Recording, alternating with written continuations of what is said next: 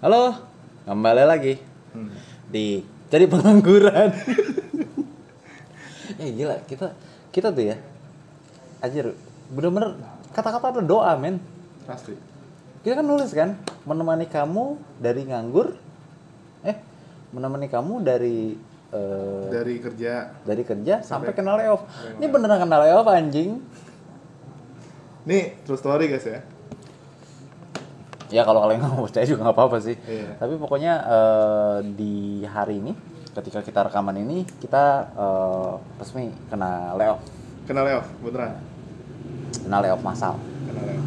Ya, jadi gue sama Adip udah resmi jadi pengangguran sekarang. Iya.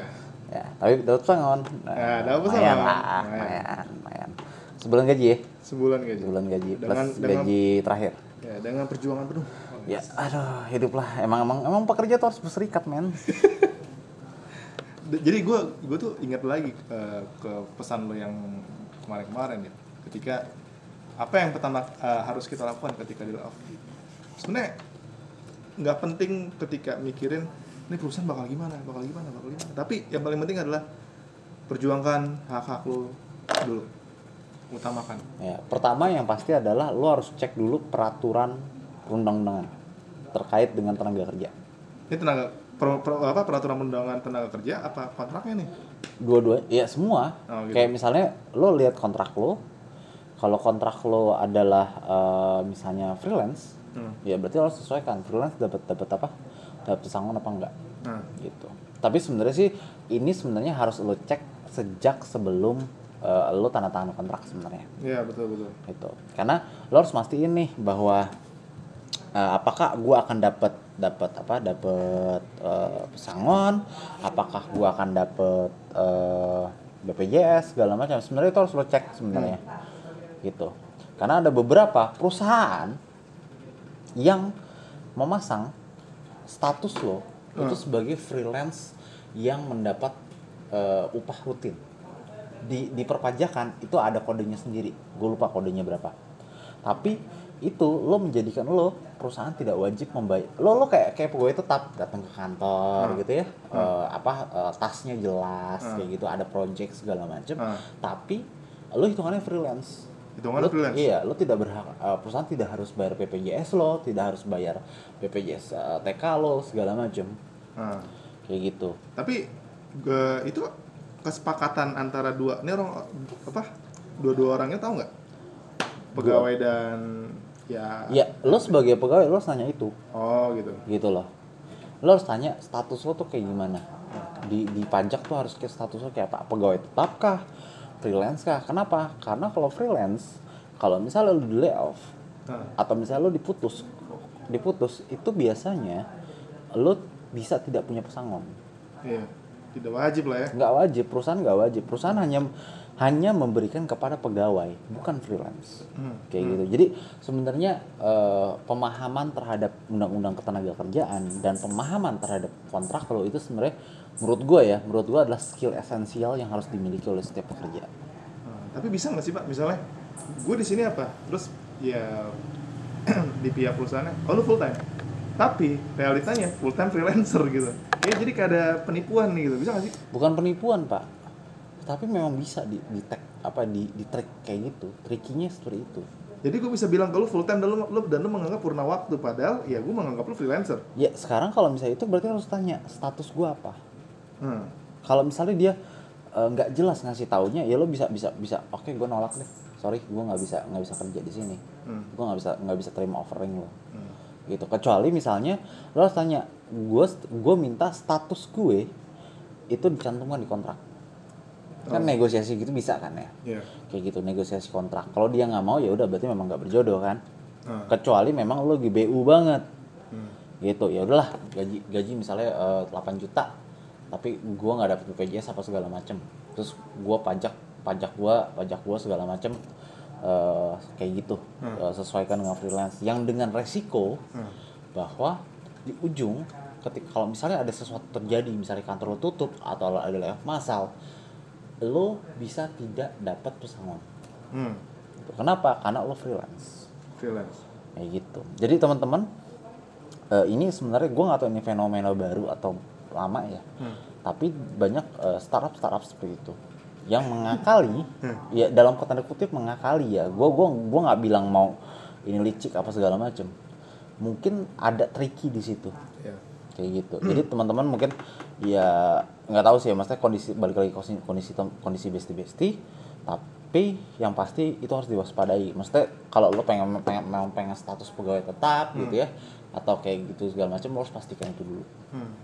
Jadi misalnya bisa dong pak, misalnya, eh gue hire Dimas nih, nah dia tuh ya, pokoknya dalam kondisi ah, kayaknya yang penting kerja nih, ya udah gue bilang full time ya, dan lo oke beneran full time ya, udah kesepakat nih, tapi di dalam kontrak itu tidak ditulis sebagai full time banget nih, Nah, tapi Nah. dalam realitanya satu bulan ke, ke depan ternyata lo freelancer, nah gimana kita bisa tahu? Ternyata anjing gue nah lo harus tanya dari awal.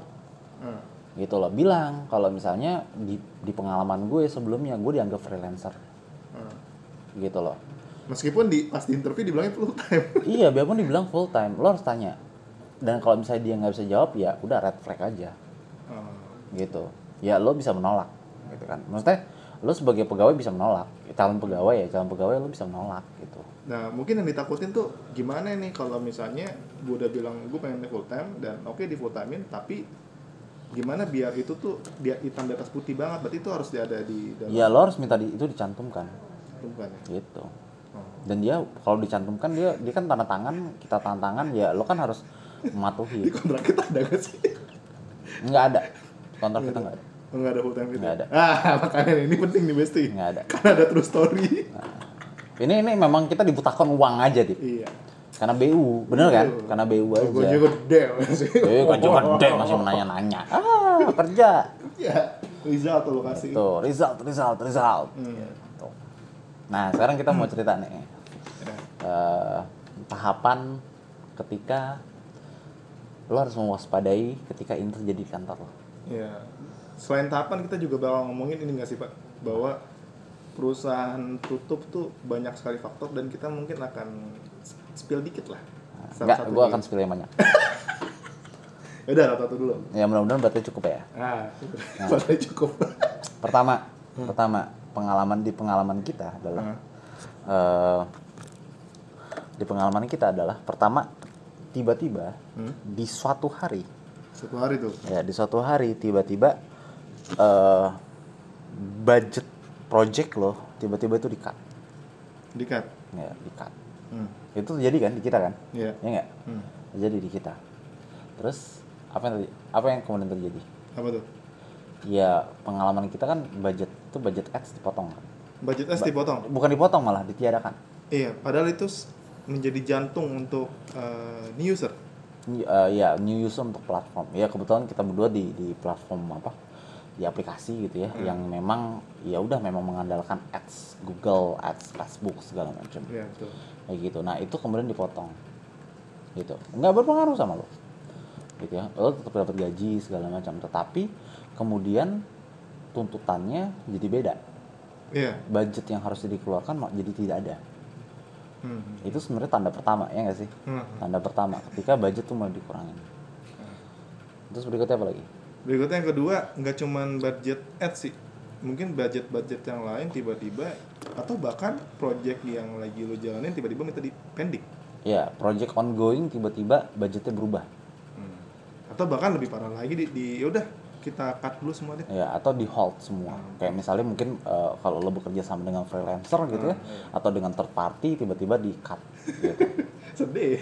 ya sedih sih itu Sedihnya tuh Nah. ya mungkin sedih ya, persetan lah dengan perusahaannya tapi sedihnya Ya. tuh buat teman-teman yang sebagai garda paling depan untuk menghadapi orang-orang tersebut. ya dan buat freelancer juga kasihan kan karena karena Iya. kan dia sebenarnya sudah dijanjikan berapa pekerjaan gitu ya mungkin Misalnya mungkin CEO-nya nggak ada- nggak bakal dapet error tapi lu ya sebagai ini ya tiap malam gitu. ya mungkin minimal disindir. Ya enggak iya mungkin lo di komunitas akan dipandang jelek biarpun itu sebenarnya bukan salah lo iya. Gitu loh. Ada kemungkinan seperti itu. Gitu. Biarpun ya menurut gue sih kalau lo pindah perusahaan terus lo ngurusin itu lagi ya orang akan terdaftar juga Iya sih sih. gitu akan tetap ada yang mau gitu Iya. join sama lo atau collab sama lo sih menurut gue kayak gitu Hmm. jadi sebenarnya lo nggak perlu khawatir asal itu bukan salah lo ya. terus apa Nah. lagi ya berarti kalau misalnya bukan salah lo setidaknya nanti ujung-ujungnya mungkin harus ada pernyataan press release kali pak ya gitu kalau soalnya kalau misalnya gue bilang oh ini perusahaannya gitu orang bakal percaya nggak sih Ya tergantung. Kalau misalnya memang lo diamanahkan untuk mengurus mengurus sampai press release, nyebar press release atau nyebar pengumuman ya mungkin mungkin. Tapi kalau lo langsung kena layoff di hari H, buat apa ngurusin? iya Kayak gitu ya. Hmm. Ya itu itu pendapat gue ya. Gue nggak tahu mungkin ada juga yang loyal kayak gitu segala macam. Yang yang pengen ya udah ini tanggung gitu. Hmm. Itu itu itu balik lagi lah ke pilihan lo masing-masing. Tapi kalau gue sih gue sih udah nggak mau ngurusin jujur. nah Kayak gitu. Nah, berikutnya adalah biasanya eh CEO lo ya nggak atasan lah ya, ya atau atasan ya atasan yang paling atas lah, Hmm. direktur apa segala macem itu biasanya tiba-tiba jarang ke kantor. Nah. ataupun kalau ke kantor biasanya nelponan mulu Iya, tuh. teleponan mulu atau misalnya kalaupun ke kantor dia cuma punya waktu sebentar Ya. kayak gitu-gitu. Iya. Pokoknya pasti ada ada kebiasaan yang tidak biasa dilakukan oleh bos lo. Si Atau mungkin biasa. kalau misalnya misalnya dia sering keluar-keluar, tiba-tiba nggak ada, nggak ada keluar-keluar.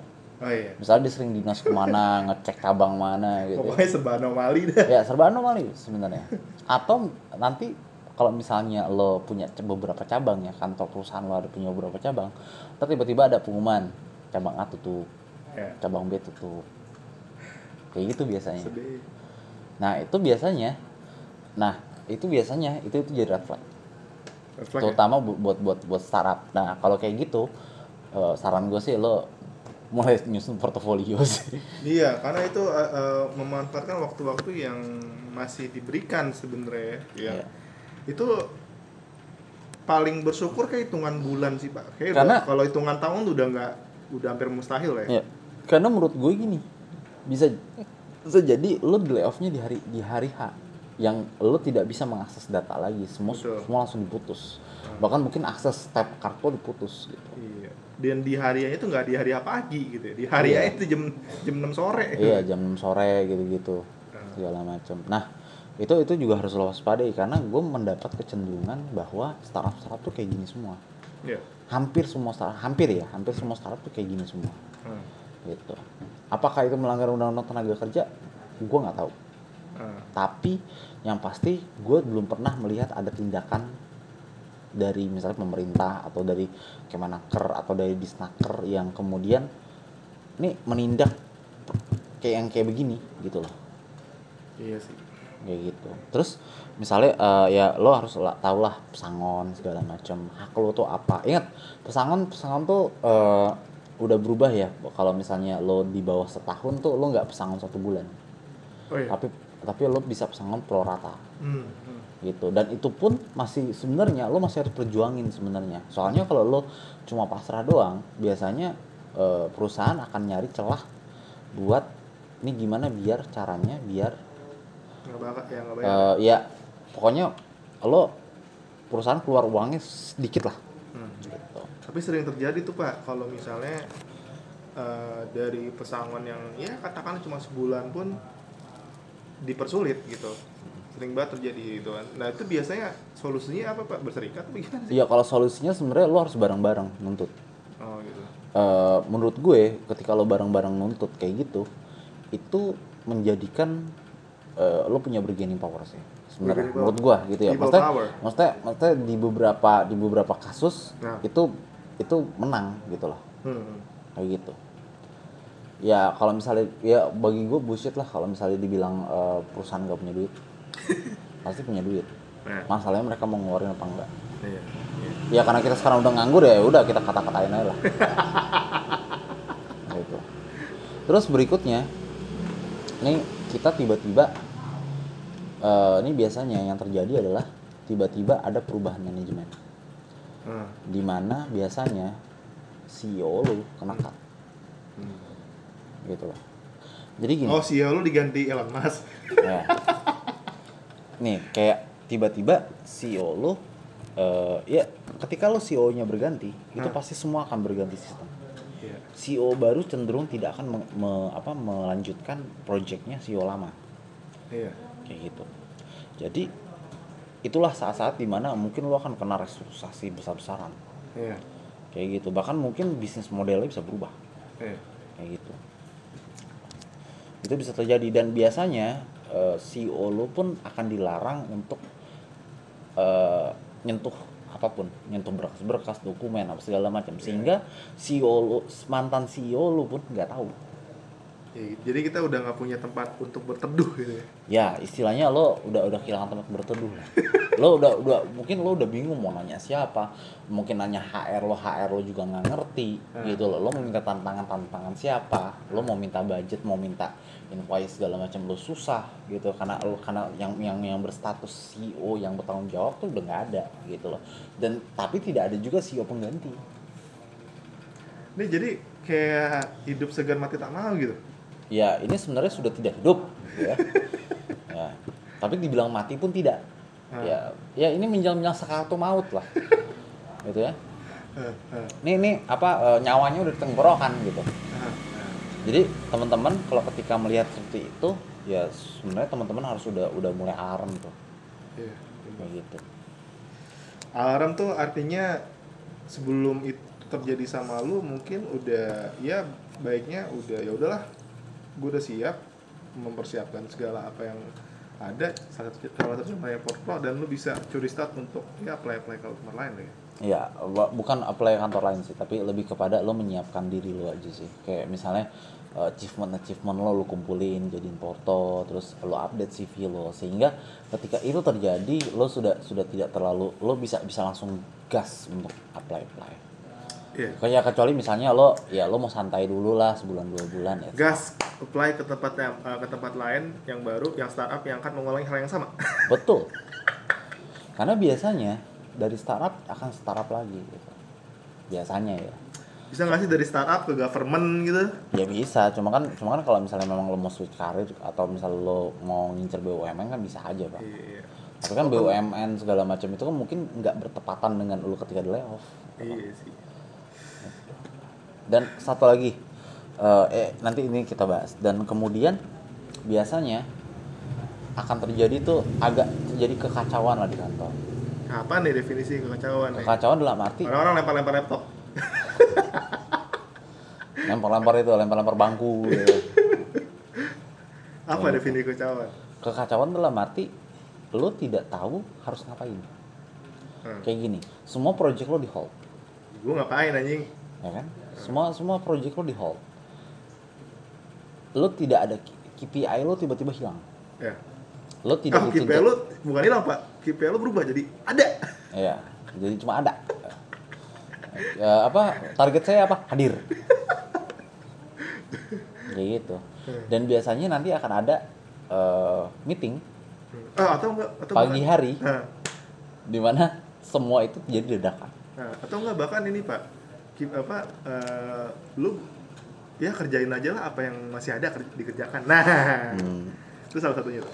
Yang sebenarnya sebenarnya gue gue jujur ya ketika ketika ada berita seperti ini ya ketika semua di hold segala macam Iya, gua salah satu yang bener-bener ya udah tinggal ongkong kaki nunggu gaji hmm, hmm, gitu. Tapi kan itu kan perusahaan gue memang mau bayar gaji gue. iya, Coba kalau misalnya perusahaan lo, lo kan kemarin nggak ada nggak nggak ada project, iya sih. pro rata aja lah.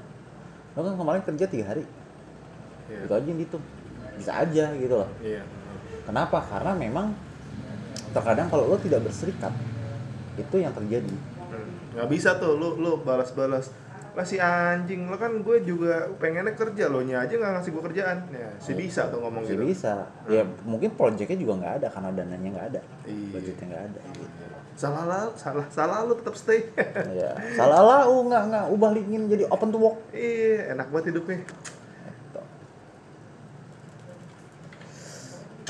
ya berikutnya. Eh, ini dari sisi pegawai nih. Ini kan tadi dari sisi perusahaan ya. Maksudnya lo lo ngelihat lah red flag red flag itu. Dari sisi pegawai lo sebenarnya ketika lo masuk kerja lo harus harus menyiapkan dana darurat sebenarnya. Kasih gitu. Dana darurat dalam arti eh, lo ketika suatu hari eh, lo tiba-tiba layoff dadakan hmm. baik lo sendiri ataupun lo layoff massal itu akan menjadi penyelamat lo. Kenapa karena gue ngelihat makin ke sini orang tuh makin susah dapat kerja maksudnya ya ada yang mungkin eh, sebulan dua bulan tapi masih lebih banyak yang lebih dari tiga bulan Iya, iya, iya. kayak gitu karena apalagi karena sekarang proses rekrutmen juga makin panjang Makin panjang dan kadang ya apa namanya ya dicari yang lebih murah sih pasti. ya kalau masalah murah segala macam ya mungkin mungkin lo harus harus bisa nurunin mungkin akan lo harus nurunin ego lo nurunin tawaran lo segala Betul. macam Karena fasenya kan lagi fase resesi ya masih kan, bukan Iya. fase tahu lagi gitu ya. gue nggak tahu sekarang masih resesi nggak sih kayak orang-orang yang punya perusahaan tuh selalu bilang resesi mulu dah tapi tapi gaya hidupnya nggak berubah Kita gitu. tanya eh, Bang Raymond ntar. Bang Raymond Chin. ya bang Raymond Jin apakah sekarang sedang resesi bang Ya, terus nah eh, kemudian ya itu udah ngomongin dana darurat ya dana darurat nggak usah banyak-banyak sebenarnya kayak lo bisa ber ya lo perkiraan aja kayak kayak gue bakal nggak dapat kerja misalnya enam bulan ah, Nah, lo harus harus mendapatkan nggak nggak harus kayak gaji lo misalnya 10 juta. Hmm. Lo berarti harus ngumpulin 60 juta, nggak juga. Kayak misalnya lo sebulan berapa aja, berapa lo habis. Misalnya 3 juta misalnya. Hmm. Ya udah lo siapin paling nggak berarti 18 juta. At least paling nggak mungkin lo nggak nabung. Gitu loh. ya, ya. Nggak bisa nabung selama masa nganggur itu. Kayak gitu.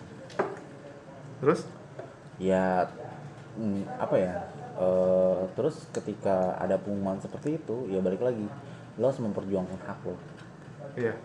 itu apa pesangon sama gaji terakhir gitu Pesangon gaji terakhir sama employee of the month. ya employee that's all. Gitu. Sama sama sebenarnya lo harus ngelarin semua eh, ya udah kalau misalnya lo bekerja sama dengan third party gitu ya atau bekerja sama dengan freelancer segala macam lo harus pastiin mereka dibayar Tapi kenapa sih? Kenapa harus terjadi seperti ini gitu? Kenapa harus jadi orang-orang di fenomena apa di tragedi kayak Kamasal Shopee, terus ada lagi di tempat lain di ya beberapa e-learning. ya Itu apa sebenarnya terjadi, Pak? Ya pertama gini, gue merasa bahwa startup itu untung nggak untung PHK. Oh gitu. Ketika mereka untung, mereka kan me- mencari cara bagaimana eh, efisiensi. Mereka akan tetap cari cara untuk efisiensi, Pak. Hmm. Ketika mereka untung, mereka akan ngelihat bagaimana agar untungnya lebih gede lagi, agar ini lebih efisien. Kalau mereka rugi, apalagi mereka akan berusaha menekan kerugian. Nah, kayak gitu jadi menurut gua ketika perusahaan perusahaan startup lo untung ya ketika perusahaan startup lo cuan lo nggak bisa nggak bisa nggak bisa merasa bahwa wah pasti akan lanjut terus. Mungkin enggak hmm. kayak gitu. Soalnya kalau misalnya semua budget project di hold segala macem ya udah. Yang nyisa buat buat dikurangin apalagi selain pegawai. Iya. kayak gitu. Jadi menurut gua ya itulah yang harus teman-teman apa ya waspadai. Teman-teman semua eh, jangan sampai melihat terlena gitu ya terlena gitu ya kayak gaji gede tiap bulan gitu ya dengan dengan dengan tugas yang ya gitu-gitu aja gitu. Tapi lo harus lo harus harus sadar gitu. Lo harus sadar bahwa suatu saat ini mungkin akan semua akan berhenti. Dan berhentinya itu pasti dadakan. Lo tuh lo lo sebenarnya bisa nyium bau baunya Hmm. nyium bau-bau ah, kantor bakal tutup nih kantor lagi rugi segala macam. Bisa cuman kadang lu denial Iya. dan biasanya kalaupun lo lo, lo misalnya cerita ke bos lo atau ke supervisor lo mereka akan cuma bilang aman kok aman tapi bisa jadi hari ini hari ini bilang aman besoknya lo dapat surat PHK Nah, Our finance is healthy. Ya. Si paling healthy. si paling healthy banget ya healthy pak tapi kan kalau keputusan tutup Iya. maksudnya eh, nutup tuh kayak kayak apa ya kayak ya udah kayak ini nggak nggak profit gitu nggak profit dan atau misalnya profitnya masih lama udah tutup aja lah Ya. gitu atau misalnya mau ganti model bisnis Hmm. gitu loh Jadi lu berkesimpulan bahwa gini pak, ya memang itulah dinamika startup sehingga orang-orang yang udah dua tahun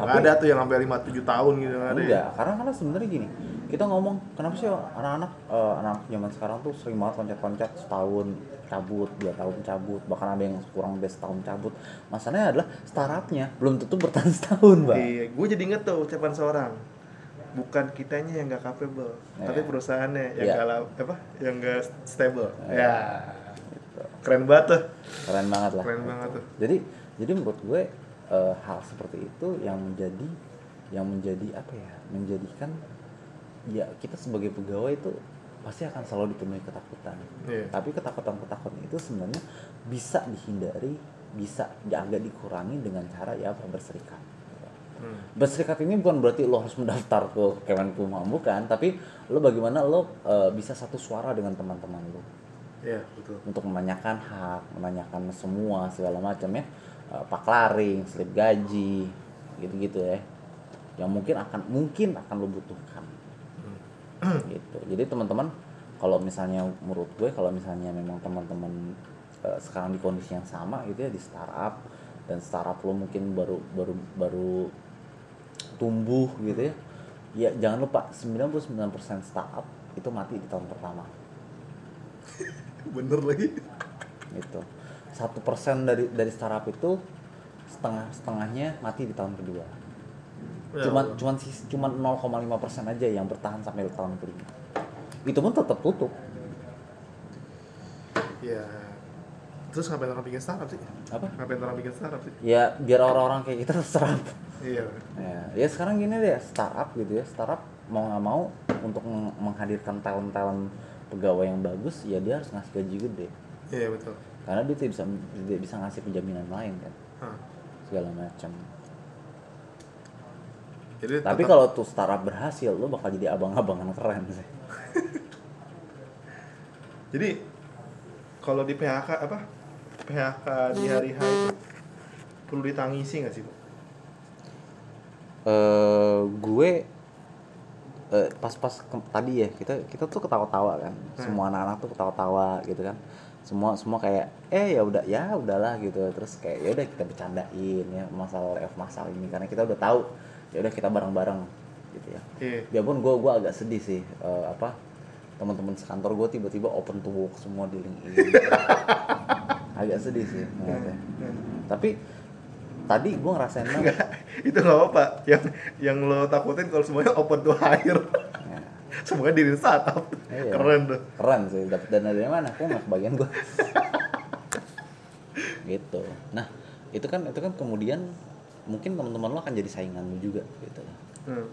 nah terus balik lagi kita ngelihatnya adalah eh, startup startup ini punya kecenderungan seperti itu. Hmm. Iya satu-satunya sat- bukan salah satu salah satu caranya ya caranya adalah lo memastikan bahwa kontrak lo harus jelas Iya. terus kemudian sistem di kantor lo kalau misalnya sistem kantor lo masih nggak jelas ya gue nggak tahu sih lo lo kayak nggak bisa berharap banyak sih Ah. Hmm. gitu Hmm. dan belum belum kalau misalnya nanti lo statusnya masih probation atau masih magang lo bisa di cut tanpa tanpa kompensasi sebenarnya Iya. karena aturannya sudah begitu memang Hmm. gitu silakan di, silakan dicarilah masalah peraturannya ya inilah makanya pentingnya berserikat dan menuntut undang-undang tenaga kerjaan yang adil anjing gitu dong ngegas Iya. Lo kemarin ciptaker orang-orang pada demo dibilang yang bikin macet. Sekarang lo ngerasain tuh. Startup lo bangkrut lo nggak dapet pesangon. Ap- apa kalau pesangon tuh pesangon tuh ini pak ya maksudnya em, mungkin dianggap perusahaan pesangon tuh beban utama nggak sih Bukan beban utama, tapi bagaimana gini? Selama selama kita kerja di Zoom kita pasti achievement sesuatu di. iya Nah, achievement se- nih gue pakai POV perusahaan ya ya achievement itu yang harus dibayar Ah.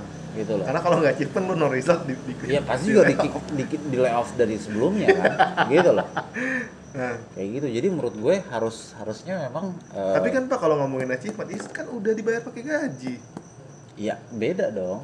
Nah, achievement yang gue dapat kan akumulasi dari seluruh kerja gue seperti itu Jadi Berarti- itulah kenapa pentingnya ada kompensasi dan kalau misalnya lu nggak punya kompensasi mungkin di antara pegawai-pegawai atau calon-calon pegawai atau pencari kerja yang berpot yang pote, punya punya keahlian tinggi mungkin nggak bakal mau sama lu ah, karena lu punya riwayat seperti itu. Iya iya. Trust eh, hilang trustnya ya? Iya hilang trustnya gitu. jadi eh, apa ya teman-teman ya seperti itulah besti-besti gitu. ya terus terakhir tadi ngomongin sedih-sedih gue tadi bal- jalan balik gitu ya ke mau mau ke sini buat rekaman. Gue tadi gue tadinya pas pas di apa di kantor gue tahu TV gitu Iya, iya, iya. maksudnya gue tidak merasa bahwa layoff ini adalah buruk gitu lah Iya. tapi ketika gue sendirian di motor gue tuh sedih cuy Hmm. gue tuh berasa mau nangis gitu kenapa karena gue oke gue dapet pesangon mungkin mungkin dua minggu lagi gue bakal dapat terima gaji dua bulan Wih. gitu loh sementara sisa Lain kontrak, money. sisa kontrak gue cuma sebulan Iya. Tepat lah itu ya. berarti kan berarti kan gue yang tadinya harusnya cuma dapat sebulan Ah. kalau misalnya itu kontrak itu kontrak nggak lanjut Hmm. jadi gue dapat dua bulan karena gue di gue di PHK sebelumnya cuma beda tiga hari eh Hmm. gue cuma beda dua minggu Dua minggu. Ya, dua minggu rebahan lah ya. iya du- enggak maksudnya dalam Hmm. arti bukan dua minggu berbahan Dip, tapi dua minggu lagi perusahaan perusahaan gue sebenarnya bisa cuman gaji gue terakhir doang Iya. tapi dia sekarang karena karena gue statusnya di layoff statusnya di PHK berarti dia harus ngasih pesangon Iya. Gitu. Sebenarnya enak gitu lah. Tapi ya balik lagi gue tetap merasa sedih. Gitu. Berarti seharusnya yang ngambil tuh kalau misalnya kontrak gue masih tiga bulan, seharusnya kalau kompensasi gue tiga bulan ya. ya enggak gitu sih. Kan kalau peraturan kan sebulan. Karena kan tiga bulannya kan lo belum achieve apa apa pak. Nggak ada nggak ada yang lo kerjain. Iya sih gitu. Ya secara adilnya seperti itu ya. Menurut kita ya. Menurut kita adilnya gitu jadi eh, terus balik lagi ya gue benar ngerasa sedih gitu. Kenapa? Karena ya jujur masa-masa nganggur sebelum gue kerja yang sekarang itu cukup traumatis Hmm, hmm, hmm, hmm. Gitu Jadi loh.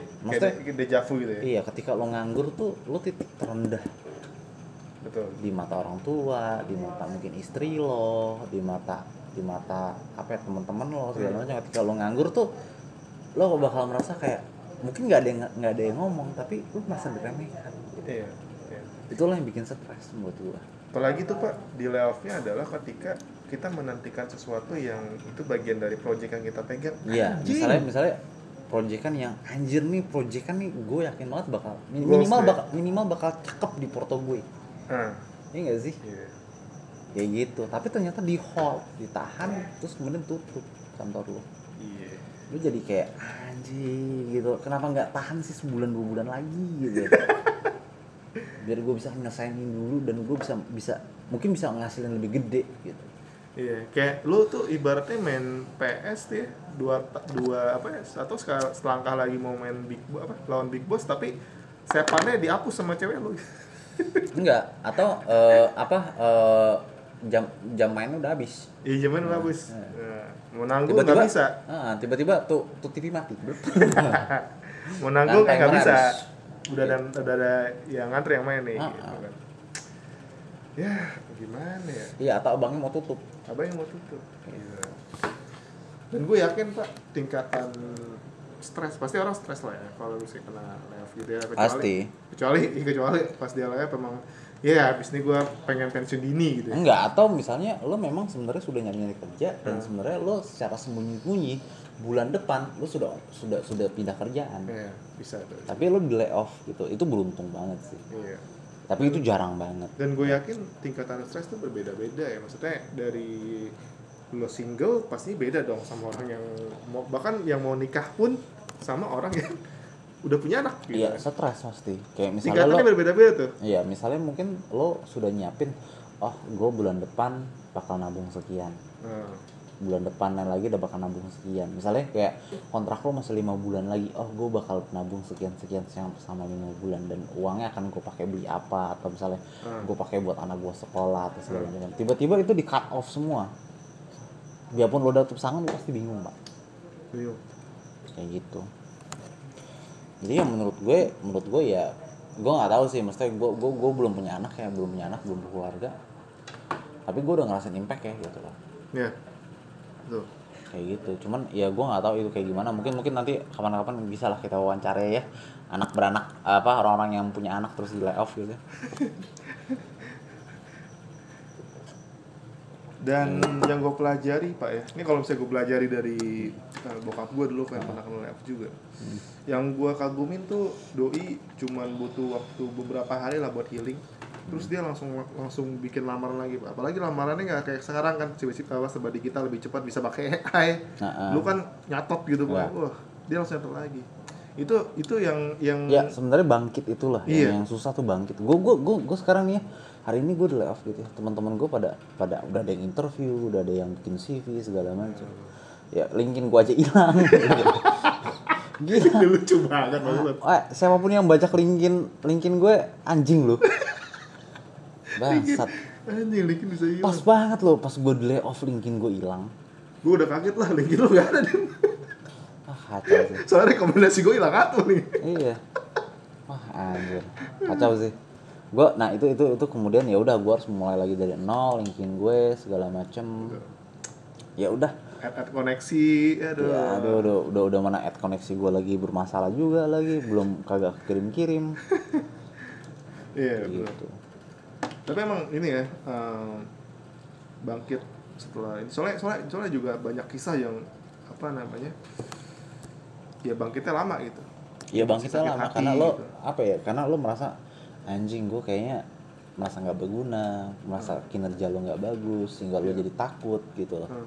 kayak gitu gitu terus kemudian mungkin lo merasa bahwa anjir gue nggak gue nggak kayak gue nggak bisa kerja nih. Tapi ini ya gue nanya sama lo ini kan kita udah pengalaman nih sekarang misalnya ini kejadian yang kedua nih amit-amit ya misalnya. Set. Kayak udah biasa gak sih? Kayak ah udah nih ya, startup gue Nah, nggak tahu kan sih gue nggak tahu sih. Eh, paling paling lo kalau misalnya kalaupun gini gue merasa bahwa pasti kepanikan itu akan terjadi. Nah, kebingungan itu pasti akan terjadi. Nah, berapa kali ya. berapa kali pun lo, lo mengalami. Tapi terjadi- biasanya yang, lagi nih. yang kedua atau yang ketiganya ya amit-amit ya ini biasanya lo mungkin lebih siap lebih siap dalam arti lo tahu hak lo apa Hmm. lo tahu harus minta apa gitu loh mungkin lo harus minta geser gaji minta clearing segala macam hmm, kalau baru pertama lo bingung pasti Hmm. gitu gitu. kayak gitu jadi gue juga agak bingung kalau misalnya apa ya gue merencanakan itu masa depan gitu ya Hmm. gue mau nabung segala macam mau beli ini mau beli itu sekarang gue jadi mungkin akan jadi lebih takut gitu loh Iyalah. karena gue khawatir gue udah merencanakan nih enam bulan lagi tabungan gue cukup karena gue dapat gaji tiap bulan Iya. tapi ternyata di bulan kedua gue di, di PHK Makanya Pak ASN. ya ASN. ya udah ya makin bener lah ucapan orang tua kita kayak gitu Eh. Stabilitas. Lu lu lebih mending gaji gaji gede apa stabilitas, Pak? ya kalau gue sih mending gaji gede sih Gaji gede. ya gue sih mending gaji gede soalnya dalam arti gue bisa nabung lebih banyak. Gitu. kalau stabilitas oke tapi kalau misalnya nggak nanjak juga agak sulit untuk memenuhi kebutuhan. Kan tiap tahun ada inflasi segala macam. Iya. gitu ya inflasi juga anjing. Gue berasa makin miskin. Tiap tiap tahun ada inflasi jangan lupa ada, ada tuh lagi yang nggak bisa habis resesi. iya semua orang bilang resesi heran. Kayak gimana sih resesi? Gue penasaran dah Nggak, Siapa sih resesi? Iya, maksudnya resesi apakah bikin pertama gini, orang bilang resesi, tiap tahun startup buka. Iya. Nggak, maksudnya gue gue gue dengan keterbatasan ilmu gue, gue bingung, jujur, gue bingung gitu. Apakah orang-orang kemudian jadi lebih sulit kah nyari kerja atau lebih sulit kah nyari modal? Ya orang-orang kayak kayak orang-orang awam tuh men- menilai dampak resesi ya udah res- resesi adalah salah satu penyebab dari fenomena layoff masalah di Nah, mana? masalahnya gini pak, untuk orang-orang yang menengah bawah, kan orang-orang menengah bawah cuma cuma merasanya bahwa tahun ini susah, tahun depan lebih susah lagi, gitu loh. Bagi mereka tuh resesi tiap tahun, gitu. kalau resesi tiap tahun ter Remoncin konten resesi mulu pak. Iya, ya gue nggak tahu, maksudnya Raymond Chin kan ya ya bisa lah bahas mix way gitu kan? Atau lagi fenomena fenomena fenomena lagi terjadi dia baru macam. bikin inian uh, Tupperware. Ah iya. Tentang Tupperware. Tupperware yang sebenarnya udah udah rame di apa sebenarnya udah dibahas juga sih di Twitter gue lihat gitu. Iya. keren dah pokoknya Bang Raymond update mulu. Ya kayak gitu. Ya Tupperware kalian gak usah bingung-bingung analisis kenapa bangkrut lah. Itu doa bapak dan anak yang terzolimi dah gitu aja sih gitu kayak gitu. Ah kalian Tupperware kenapa? Gue merasa bahwa kalian tuh jadi lebih dicintai daripada suami-suami mereka gitu. Nah, eh. gue nggak tahu ya maksudnya gue nggak tahu harga tupperware berapa jujur. Jujur gue nggak tahu gitu ya. Cuman ya itu tadi gitu. Gue gue ya kalau misalnya tupperware oh ternyata tupperware tidak bisa mengikuti zaman segala macam. Hmm. Iya gue nggak tahu tupperware nggak ngeluarin korsikel ya Eh tapi kalau misalnya kita balik lagi ke oh iya gue pengen beli korsikel anjir Korsikel? nggak kesampaian Nggak, maksudnya kalau misalnya gue ntar dapat kerja yang WFH full, ngapain beli korsikel? Siapa yang gue pamerin? kan bisa buat konten. Alah. Nah, kalau misalnya kalau misalnya balik ke fenomena layoff lagi ya, Hmm. kadang ada sebagian orang yang eh, apa ya kayak dibilang denial jadi denial kali ya kayak misalnya ini harusnya nggak nggak gini nih anjing gitu. Ya, harusnya nggak gini kan tapi yang investor bukan lu. iya Maksudnya karena gini loh, kayak lu yang punya duit gitu ya, Elon Musk yang punya duit, yang beli yang beli Twitter, dia bisa centang biru hilang, lu mesti bayar dengan segala resikonya. Apakah Elon Musk peduli? Kayaknya enggak. Nah, Terus orang-orang dipecat-pecatin gitu. nah. Sangon mah lancar ya kalau memang saya Ya gua nggak tahu pesangon lancar apa enggak segala macam. Tapi sebagai yang punya dana, lu bisa lakukan apa pun kan. Nah, Bahkan lu baru beli terus lu tutup bisa bisa gitu loh kayak kayak yang terjadi di Google berapa sih aset-asetnya diambil kemudian perusahaan tutup gitu